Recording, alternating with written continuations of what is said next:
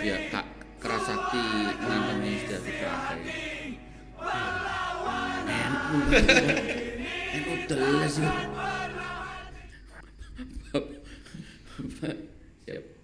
Oke oke oke oke. Assalamualaikum warahmatullahi wabarakatuh. Waalaikumsalam warahmatullahi wabarakatuh. Pak Udin. Hai, ya? lagi. Sehat ya. Sehat, alhamdulillah. Apa ya baru jadi ini sibukan ini tanda tangan apa tuh? Iya. Jadi kebetulan akhir-akhir ini kan lagi ini ya, lagi meledak kasus-kasus tawuran ini loh antar perguruan silat. Jadi belum usai kasus di Mojo Agung antara Kerasakti dengan Pagar Nusa. Pelandaan. Kes- musian dulu. Musian itu musian, musian itu Kerasakti dengan Sejati Teratai, kemudian Perandaan. Iya, yang Perandaan ini eh, tersangkanya banyak soalnya. Jadi saya barusan menyelesaikan penandatanganan pendampingan eh, adik-adik ini jadi di BAP itu kan harus ditandatangani semua sebagai eh, pengesahan proses pendampingan. Umat NU semua itu. Harus Iya. yang harus pasti harus kita selamatkan. Oh iya iya iya. Ya, sebagai jamiah Iya. ya harus Punya tanggung jawab. punya tanggung jawab untuk memprevensi atau meng, apa, menyelesaikan mengkuras Betul. kuratif ya. Ini persoalan generasi bangsa. Generasi. Generasi NU. Iya. Kalau berhadapan dengan hukum dan masuk, karena 170 itu masuk. Masuk itu artinya di penjara. Penjara, jadi jadi sangat banyak sebenarnya ya. Sangat banyak dan problemnya akan semakin bertambah ketika dia masuk di dalam penjara. Ya, ya. Akan bertemu dengan banyak pelaku-pelaku kriminalitas yang kemudian membuat mereka bisa menjadi lebih Jadi penjara tidak lagi membuat mereka jerah, tapi lebih ganas. Kira-kira. tujuan ideal itu belum belum tercapai di Indonesia karena sistem pemidananya masih kolonial. Bener ya, menjadi lebih ganas. menjadi lebih ganas, Lebih pinter. menjadi universitas. Jadi keluar itu seperti dia keluar dari diklat gitu. Oh. lebih parah. Oke, Pak Udin, kita bisa mulai lah ya. Iya. Jadi ini malam ini kita akan bicara soal apa NU, Iya. menjelang NU, menjelang muskercap. Muskercap. NU jumbang di mata pengacara. Siap. Saya kira Mas Udin ini tidak perlu diragukan. Sekretaris LBH ya terakhir. Pernah, pernah. Tapi karena ada mosi tidak percaya, Akhirnya dilepas. siap. Tapi intinya saya tetap berjuang untuk NU. Ya. Diakui maupun tidak, Ya, kultural maupun struktural. siap. Karena kami juga punya layanan hukum gratis dan itu kami peruntukkan untuk orang-orang NU pribadi loh ini. Ya, ya, ya. Nah, masih berlangsung sampai Oke, sekarang. Pak Udin. Siap. Apa perlunya mulai kita bilang NU perlu apa? Perlu apa? Perlu pendampingan hukum. Iya. Baik litigasi maupun non litigasi. Apa perlunya NU ini? Jumlah penduduk Jombang itu 1,2 juta. Bisa dikatakan atau bisa kita klaim 65 atau 70 persen NU lah ya. Atau mungkin bisa 80 lah ya. Ya, ya. Tergantung siapa yang klaim gitu ya. Artinya ketika kita klaim 80 persen jumlah penduduk Jombang adalah NU, maka itulah tugas organisasi NU tentunya untuk mensejahterakan. Untuk mensejarah. Maka dari banyaknya jumlah itu peta persoalannya kelihatan. Kelihatan. Apalagi kalau petanya dipertajam. Siapa sih NU? Ya. Nah, apalagi kalau petanya dipertajam lagi melihat data-data kasus. Ya. Banyak sekali orang NU. Iya betul. Nah, Banyak sekali orang-orang NU, banyak sekali anak-anaknya orang NU kan gitu ya. Yang kemudian harus terjerat kasus tindak pidana di mana sebetulnya dia sendiri tidak paham dengan kesalahan apa yang dia perbuat. ada yang salah, Ada yang salah, ada yang dipersalahkan. ada yang dipersalahkan, ada yang tidak tahu kesalahan tapi menjadi salah. Ah, ah. Ya kayak pasal 480 itu tidak tahu kesalahannya. Dia beli HP dengan uangnya sejumlah nilai itu. Tapi ternyata HP ini bekas curian. Nah, pernah ada jadinya 480. Iya. Padahal dia membeli loh. Membeli. Membeli. Banyak sekali. Iya. Banyak sekali. Banyak jebakan-jebakan ini ya, jebetman ya di masyarakat itu yang kemudian bisa mengakibatkan generasi muda NU ini eh, bisa rawan dan rentan untuk kena eh, apa istilahnya itu eh, tindak pidana atau perbuatan yang melanggar hukum. Nah, kita lanjut. Apa yang Iya. yang menurut kita nih sebenarnya mesti prioritas? Iya, yang jelas ketika kita perspektifnya hukum ya, karena tadi judulnya kan di mata advokat gitu ya. Eh, saya melihat NU kan punya LPBANU, punya Banom gitu ya. Artinya ini yang harus dimaksimalkan peran dan fungsinya. Saya melihat hanya sekedar eh, masih terpampang nama, tapi peran dan fungsi masih belum kita rasakan secara nyata di masyarakat ya. Karena kemudian saya melihat eh, pendampingan-pendampingan masih belum dilakukan oleh orang-orang NU. Kadang-kadang saya ini sebagai orang itu merasa agak cemburu juga dengan eh, ormas yang lain yang sangat getol gitu ya karena mereka punya divisi hukum yang kemudian sangat getol melakukan pembelaan-pembelaan. Ini ini pernah pernah saya pernah saya saksikan sendiri eh, mereka melakukan itu gitu ya. Bahkan ada yang kebetulan nih ada persoalan eh, Gono gini yang kebetulan dia itu bertetangga dengan salah satu pengurus di eh, badan hukum eh, salah satu ormas itu minta bantuan saya karena merasa saya ini ada semangat sosialnya gitu ya. Ketika di pengadilan ketahuan dan dia sempat dimarahin karena dia jam jamiah di organisasi itu Iya, gitu. iya. Betapa pedulinya loh mereka sehingga sampai marahin gitu loh itu luar biasa kan? Jadi itu apa? Jadi positif saja kan? Itu sangat positif saja. Baik, sebenarnya itu kan dia mau bela juga. kan? Iya. Lah NU kan punya LBH yang seharusnya juga bisa melakukan pembelaan-pembelaan itu. Yang prioritas apa? Atau kalau ini dilakukan itu sebenarnya kita sedang bekerja on the track. Iya. Apa yang prioritas mesti lakukan ini kelompok-kelompok pendampingan hukum ini? Iya, mungkin eh, pertama edukasi ya ke masyarakat ya tentang kayak ke masyarakat jamiah ya tentang eh, apa istilahnya itu eh, tentang hukum, tentang undang-undang begitu karena sistem sifatnya undang-undang itu kan ketika diundangkan tahu nggak tahu kalau kamu melanggar ya kamu tetap kena karena dianggap kamu harus tahu Sudah tahu. sudah tahu gitu ya. Jadi undang-undang itu menganggap ketika sudah diundangkan dia sudah tahu.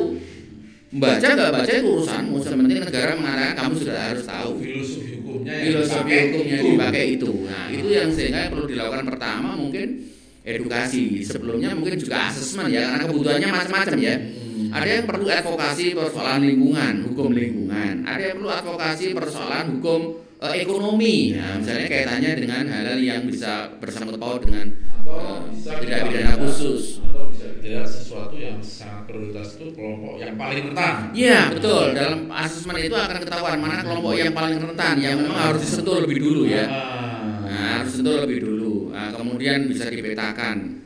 Itu yang sebetulnya eh, bisa dilakukan. Tapi selama ini saya masih melihat belum sampai ke situ ya arahnya. Tidak kelihatan sistematik Tidak bisa kelihatan kita sistematik. yakinkan bahwa ini on track gitu ya Iya, Oh. jadi masih apa spasial nampak juga kurang jauh gitu ya Iya betul. gitu Saya merasakan itu eh, ketika ya sebetulnya saya dulu itu bergabung dan karena memang panggilan ya. hmm. Eh, saya dulu kan ya sempat di PMI di kemahasiswaan itu di organisasi PMI dari mulai ketua rayon begitu ya sampai kemudian pengurus cabang. Minimal semangat itu menggelora gitu ya. Eh, ketika kami ada di masyarakat kepingin sekali apa me- menginterpretasikan itu dalam eh, kehidupan. Dan kebetulan sebelum di advokat kan saya juga aktivis anak gitu ya aktivis perempuan dan anak. Dan itu lebih eh, kami mencoba untuk eh, apa melakukan edukasi ke masyarakat masyarakat terutama jamiah Nahdlatul Ulama kan kita kepengen jangan sampai atau bagaimana kita memperkecil ruang eh, apa ruang perbuatan yang bisa me- mengarahkan orang menjadi melanggar itu yang yang harus kita lakukan. Dan itu kami sudah melakukan. Bahkan eh, mungkin dulu saya pertama orang di Women Crisis Center itu yang PMI ya. PMI Nah, karena Women Crisis Center didirikan oleh teman-teman HMI. ya ya apa yang sedih bung dari sesuatu yang belum on the track ini misalnya apa sih kita mesti punya apa gitu tapi kenapa gitu NU itu punya segalanya. hmm, punya segalanya sebenarnya SDM-nya juga melimpah gitu ya. Hmm. Akses aksesnya juga bagus gitu ya. Maksudnya bagus pressure grupnya Pressure grupnya juga luar biasa. biasa gitu loh ya. Makanya ketika kita ditanya kurangnya apa lagi kita bingung. Kurangnya di mana sebetulnya ya? Bingung kurang sistematis. Ah, mungkin itu. Atau jangan-jangan karena budaya di NU memang tidak sistematis. Oh iya, iya, iya. Nah, itu juga Tapi gimana? ya? jadi bahan evaluasi lah ya. or- organisasi tradisional terus menerus. Masa tahun apa zaman segini masih masih tradisional terus kan?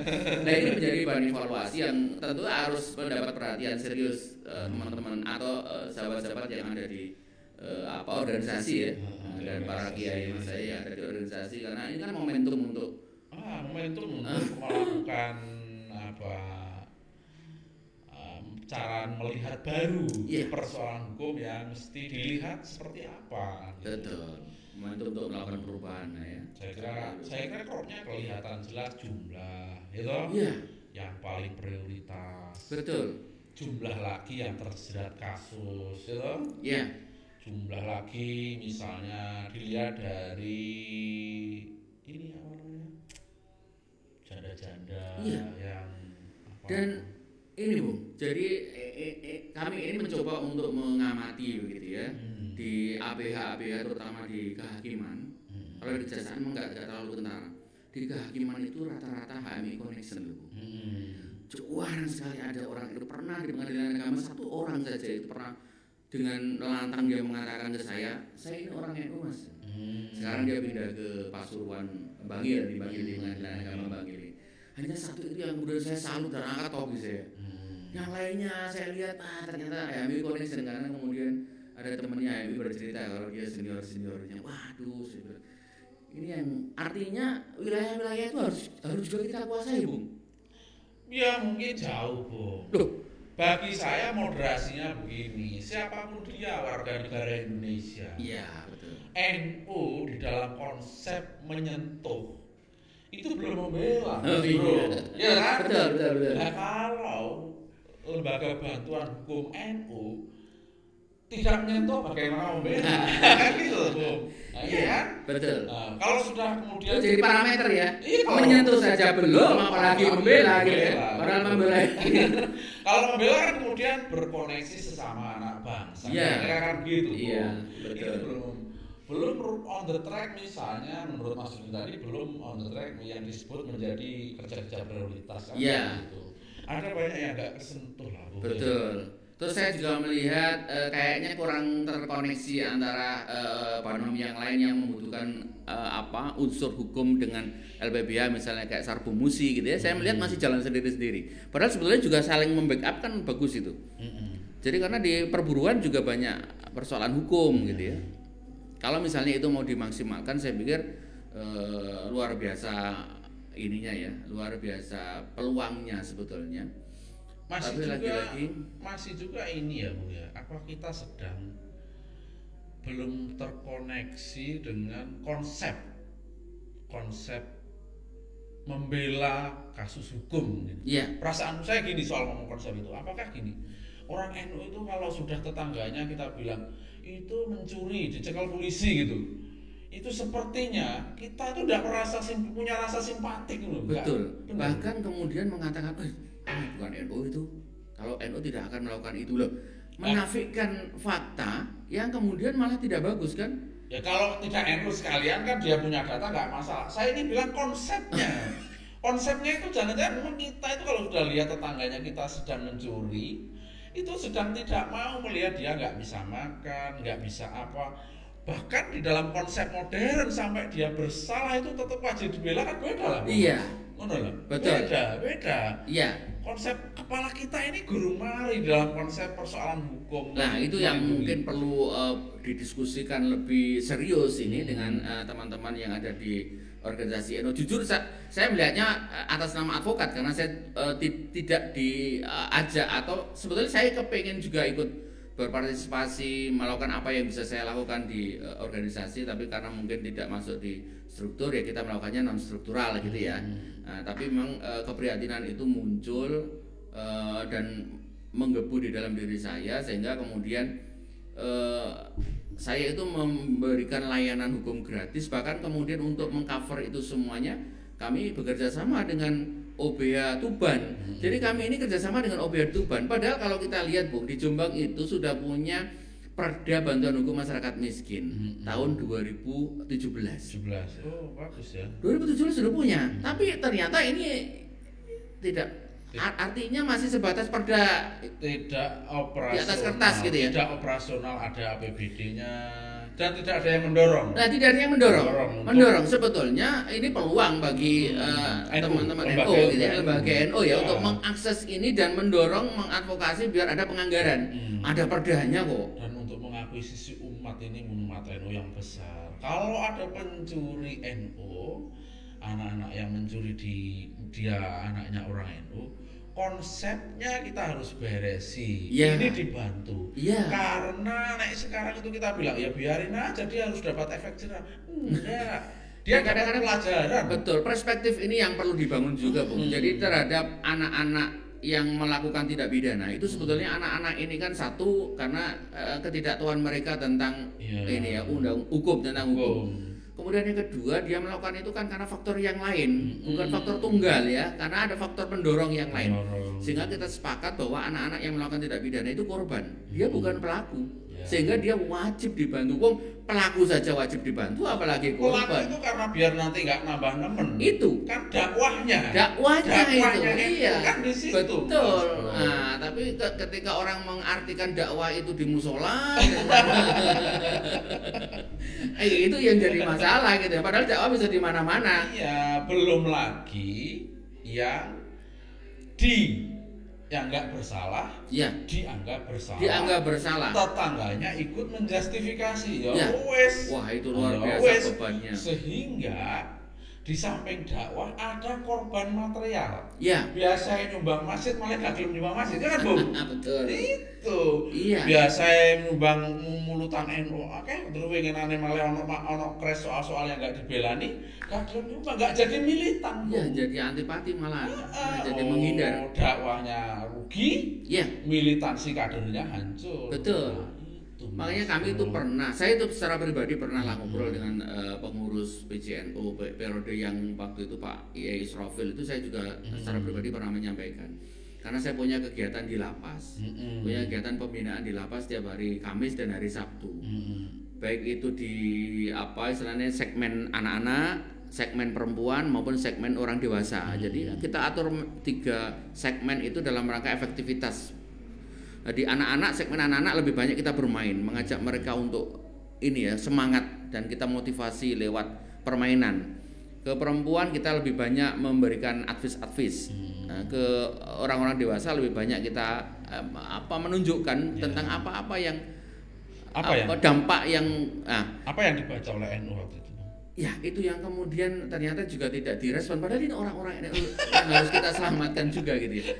Karena tadi Mas Hasim bilang tidak semua orang di lapas itu orang yang salah. Betul saya sepakat gitu ya. Dan tidak selamanya orang yang salah harus kita Iya justifikasi kan bisa dijustifikasi. Oh, malah belajar dia kan? Malah belajar. Ganggu kita nanti. Nah, betul. ganggu kebangsaan kita. Betul, padahal Bung, Hmm. saya ini masih masih merasakan teman-teman yang eh, apa yang yang dekat dengan kita dalam proses pembinaan di dalam itu, ketika mereka keluar luar biasa loh Bung, semangat rasa apa se- semangat kekeluargaannya gitu ya. keluarganya Sering ke rumah juga, jadi mereka merasa sangat berterima kasih. Tapi memang begini ya, jadi ketika orang dalam kondisi membutuhkan pertolongan di mana orang lain kemudian menjauh, Iya. ada orang yang menolong, maka orang itulah yang akan diingat seumur Iya, hidup sebagai orang yang berjasa kalau, pada dirinya. bahayanya kalau yang dijawal itu agamanya luar biasa kan bung Itu Bung. Hmm, ada juga I- Oh, ada juga. ada juga. Jadi ini di Lapas Jombang itu kan kemarin sempat ada orang-orang teroris ya, narapidana teroris Hmm. dari Aceh, dari Poso, Hmm. itu ada di Jombang juga. ya ya ya Wah, itu mereka luar biasa, Bung. Jadi mereka memang juga warga binaan, Hmm. melakukan pembinaan terhadap teman-temannya sesama warga binaan. Wah, ini repot ini. Repot ini, karena saya bilang tadi itu orang di dalam itu kan kayak orang tenggelam yang Ya, dia ya, apa, membutuhkan pertolongan siapa yang menolong dia maka dia yang akan ingat kan. kalau emosional kekeluargaan menjadi militansi NU luar Luar biasa itu. Tapi kalau itu militansi yang iya eh, positif toh bung orang sedang kita punya harapan semua orang kan punya harapan berkembang Iya. Ini kan harus di tata ulang di dalam konsep kehidupannya dia nggak usah diarahkan pengen baik. Betul. Nah, tiba-tiba militansinya jadi NU kan luar biasa. Oh itu luar biasa bung. Jadi apa keynote speaker, jangan ada masuk penjara, kami aja dulu. Ah, Nah, betul. bagus, Bung. Jadi dia jadi ini ya, jadi apa istilahnya pelopor ya. Heeh, jadi pelopor di Heeh, masyarakat gitu pelopor ya. Di masyarakat. Untuk menghimbau Heeh, nah, bukan jangan di- sampai bukan dikucilkan. bukan dikucilkan. Pas dok penjara gak diewangi, di luar dikucilkan di luarnya masyarakatnya. dikucilnya di masyarakat ya dendam Wah, Mas Bro. dan itu nggak jadi untung dakwah Betul. ini Nggak berhasil itu kan. Hmm, dakwahnya nggak untung Iya, tapi kebanyakan yang apa ini ya dakwah yang digandrungi yang digemari ini kan dakwah yang tidak beresiko. Dakwah yang enteng-enteng saja begitu yang kan? yang sabar. Yang sabar gitu kan jadi memberi mau itu pada orang-orang yang sudah paham Nah, yang sudah ngerti gitu ya. ngerti. tapi sebetulnya tantangannya adalah memberikan eh, apa istilahnya itu eh, Ya, ajaran baik gitu ya ajaran- kepada orang yang iya yang Ya, yang seperti itu yang di lapas itu yang kena masalah itu sebetulnya orang-orang yang harus kita sentuh sebetulnya. Hmm. Nah, tapi lagi-lagi ah ngerepot-ngerepoti air pegawaian. Loh saya pernah itu loh di, di dibilang sama Pak Kalapas waktu itu Pak Nur itu bilang gini, "Le, Mas Udin sampai lapo bikin kegiatan di lapas nambah-nambah pegawaian." Oh, iya Terus saya bilang Pak, saya ini kepengen melakukan hal ya walaupun sederhana, walaupun kecil, tapi minimal ini bisa berharga lah bagi mereka, gitu. ya. Memberi hiburan bagi mereka. Saya masuk ke dalam bawa clay, clay apa, lilin itu lah. Jadi itu itu menurut saya bisa jadi katarsis kan, karena dia galau, karena dia lagi Ya. amat ada masalah. Jadi Ya. itu dalam rangka memfasilitasi mereka untuk uh, bisa juga happy. gerakan itu menjadi bangunan logika-logika Bung iya, bagi NU untuk membangun logika-logika baru terkait dengan konteks-konteks baru. Mm-mm. Nah, tadi itu melihat soal hukum, menyelesaikan di masyarakat, dakwah terhenti, militansi hancur. Nah, begitu-begitulah, Bung. Belum lagi nanti ada tadi itu misalnya penetrasi Islam lain. Kalau di banyak tempat kan di banyak perang terbuka kan bisa Islam menjadi Kristen. Iya. Ya, banyak sekali. Saya kira contoh-contohnya. kadang-kadang kita menghujat eh, kenapa orang-orang yang eh, keluar dari penjara malah jadi eh, wahabi salafi begitu ya Hmm. sebetulnya kita sendiri yang harus introspeksi Ya. apa yang sudah kita lakukan yang sementara mereka melakukan hal yang luar biasa di dalam Mm-mm. nah sehingga kemudian banyak yang keluar-keluar sudah seperti ini kan. Saya kemudian kemarin tertarik bung. Ada satu channel itu yang kebetulan ini orang Malaysia ya yang eh, dia Hizbut Tahrir juga yang melakukan pendekatan ke anak-anak pang melakukan Hmm. pendekatan ke LGBT waria di Surabaya. Pinter. Ke anak-anak naik gunung. Iya, Nah, iya. pinter. saya itu berbes milih gitu loh. Berbes milih. Yang tiba-tiba kemudian membawa anak-anak pang ini masuk ke mall dibelikan jubah-jubah.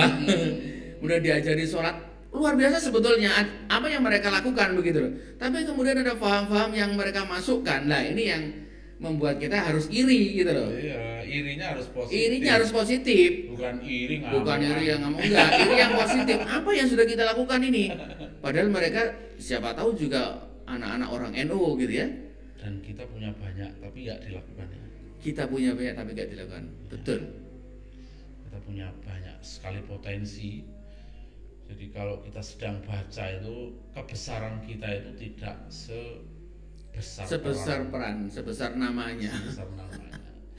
Dan murni sebenarnya ini bukan soal bukan soal kita nggak mau, tapi soal apa? Lek, kalau saya sih ini Pak, Pak Udin biar positif ini bangunan logika logika kita yang masih Hmm, hmm, belum hmm. kuat gitu ya. Iya. Masih, masih ikhlas itu apa? Masih gitu gitulah. Iya Masih masih ya termasuk masih tadi itu melihat orang bersalah itu perlu dihukum lah. Kalau dihukumin model hukum negara ini kan berarti anda nggak tahu konteks kan. betul nggak tahu konteks tahu betul konteks. dan anda berarti sama dengan menjerumuskan Mm-mm, terus kan. jadi logika anda bahwa itu akan membuat dia kapok, jerah. itu logika yang usang logika yang nggak benar karena sistem pemindahan kita sistem kolonial Itu logika yang membaca teks. Iya Oh, membaca tidak- teks Tidak membaca konteks. tidak membaca konteks Nah, itu itu Betul. masalah Mas. Ah betul, iya. Jadi Nah. kadang-kadang eh, kita juga berpikir, bu, kayak eh, di Reskoba itu it- itu kan eh, rankingnya tertinggi ya, angka kriminalitas yang berkaitan dengan narkoba kan tertinggi. Catatan di Reskoba. saya pernah mencoba untuk eh, masuk menjadi tim eh, penunjukan penasihat hukum tapi tidak bisa karena sudah dikapling. Iya. Saya hanya dapatnya di eh, reskrim di eh, unit PPA dan sekali-sekali di Bidum. Gitu. Sebetulnya saya juga kepengen di Reskoba karena Reskoba juga anak-anaknya orang NU yang tan- karena ketidaktahuan mereka akhirnya mereka terjerat eh, narkoba misalnya. Coba itu yang kerja lembaga LBHNU. Bayangan Saya saya punya energi yang sangat bagus Pak Udin pasti. bayangan Nggak saya dan dicoba di- mimpi saya itu seperti itu. Lah nggak dicoba ditarik ke sana ta. Ah, saya kan tidak ada di struktural ini. Justru justru pada saat saya dulu masih ada di struktural itu mencoba untuk membuka wacana itu tapi kemudian dianggap terlalu Wacana. Iya, waktu itu masih wacana mengajak teman-teman untuk sedikit eh, membuka ruang wilayah-wilayah kerja kita itu banyak loh. Eh, Wilayah kerja untuk bicara nasionalisme kerja dengan siapa saja bisa. gitu Iya, kan? begitu. Tidak hanya di satu titik, tapi ini banyak ribuan titik yang harus kita sentuh gitu. Eh, Dan tidak hanya kita ngomong NU itu terus kemudian jadi vis a vis gitu berhadapan-hadapan kayak mahasiswa. Ya. Dalam konteks hukum kan nggak bisa, Bung. Nggak bisa. Nggak bisa. Tadi kan makanya Anda bilang HMI. Kalau saya mestinya HMI ya diajak bekerja, Bung. Wah, luar biasa itu.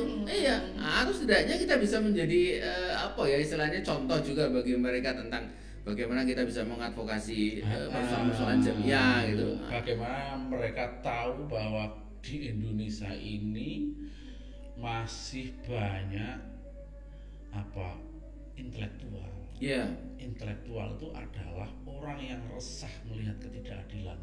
Dari Soekarno, maka kau adalah temanku. Iya. Ya, ngono. betul. iya, betul. Nah, itu kalau orang misalnya kayak orang jaksa pengadilan nggak bisa disalahin begitu saja kan Bung Iya. keluar mobilnya sudah AC Iya. nanti pulang sudah ditutup nggak tahu dia rasa panas matahari itu nggak Betul, nggak merasakan. Nah kalau nggak merasakan mau disalah salahin juga nggak bisa toh ya diajak kerja toh Iya. Diajak kerja Iya, betul. Kerja Iya, untuk- makanya untuk bicara bangsa lebih luas, untuk bicara rakyat lebih luas, untuk bicara NU ini aktor atau apa kontribusi kepada negara sangat besar, tapi dia masih di pinggir sebagiannya, ya toh? betul Bagiannya masih di pinggir, ya ayolah diajak ke tengah, harus. disentuh untuk misalnya jangan sampai yang tidak bersalah, ayo dipastikan untuk tidak terjadi kriminalisasi. Iya. Lah kira-kira. Iya, jadi artinya eh, berpikirnya tidak pada saat eh, proses eh, pendampingannya, tapi bagaimana impact ke belakangnya ketika ini tidak dilakukan pendampingan.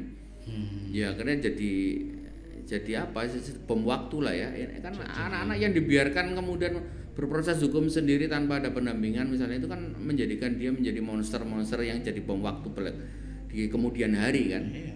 Ya tadi itu ada hilang dakwahnya, ada hilang militansinya, Iya. ada hilang materialnya. Biasanya gelem nyumbang, gak gelem nyumbang. Iya, akhirnya dia ya merasa dikucilkan, ya mengucilkan dirinya akhirnya. Hmm. Dan itu banyak yang kita temui kenapa kemudian anak itu terulang eh, melakukan tindak pidana itu ya karena lagi-lagi dia beralasan oh, saya di rumah juga nggak bisa diterima, saya di lingkungan masyarakat juga dikucilkan. Akhirnya melakukan lagi ketemu saya lagi di pendampingan, melakukan proses lagi. Eh, merasa akhirnya merasa enjoy mereka di dalam karena banyak menemukan teman di dalam. Ya, dan tentu Nah, ini kan jadi a- tidak bukan baik. hanya anak ke anak, tapi de- menjadi dewasa kan sebenarnya menjadi potensi kan. Iya betul. Di sangat Dan itu tidak tapi- bagus. Tapi sudah le- sudah lewat, sudah bahasanya sudah bruk, sudah pecah. Penghuni lapas Jombang itu hampir 900 bu, di 768. Jadi hampir hampir hampir 700 800 lah ya. Karena itu kan eh, apa ada yang kemudian dilayar karena ancam di- eh, apa vonisnya lewat dari lima tahun kan mesti dilayar, tidak di lapas Jombang karena kan rutan kelas 2B ya. Ya dan itu sebetulnya kan apa medan dakwah yang yang luar biasa kalau kita maksimalkan.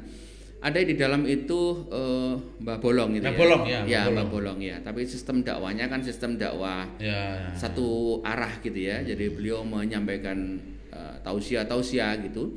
Sementara sebetulnya orang-orang ini perlu dirangkul.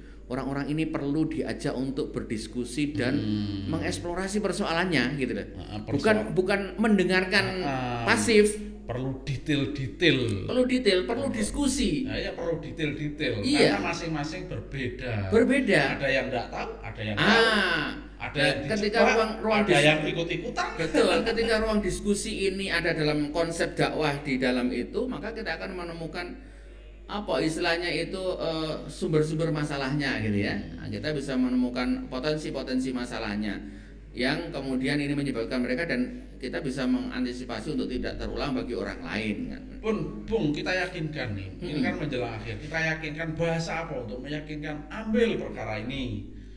Kuatkan lembaga hukum ini apa? Bahasa apa yang mesti dipakai untuk sebagai depan? sebagai advokat tentunya saya berharap LPBNU itu bisa dimaksimalkan peran dan fungsinya tidak hanya sekedar eh, nampang organisasinya dalam struktur PJ tapi benar-benar dia punya eh, gerakan yang masif yang kemudian dirasakan oleh jamiah sampai tingkatan bawah dengan program-programnya Eh, saya melihat eh, program yang ada masih sebatas kemarin mungkin masuk di Posbakum Pengadilan Negeri ya sekarang sudah tidak terpental karena ada kompetitor yang Ada lebih kompetitor yang kita nggak bisa yakin. Ya enggak.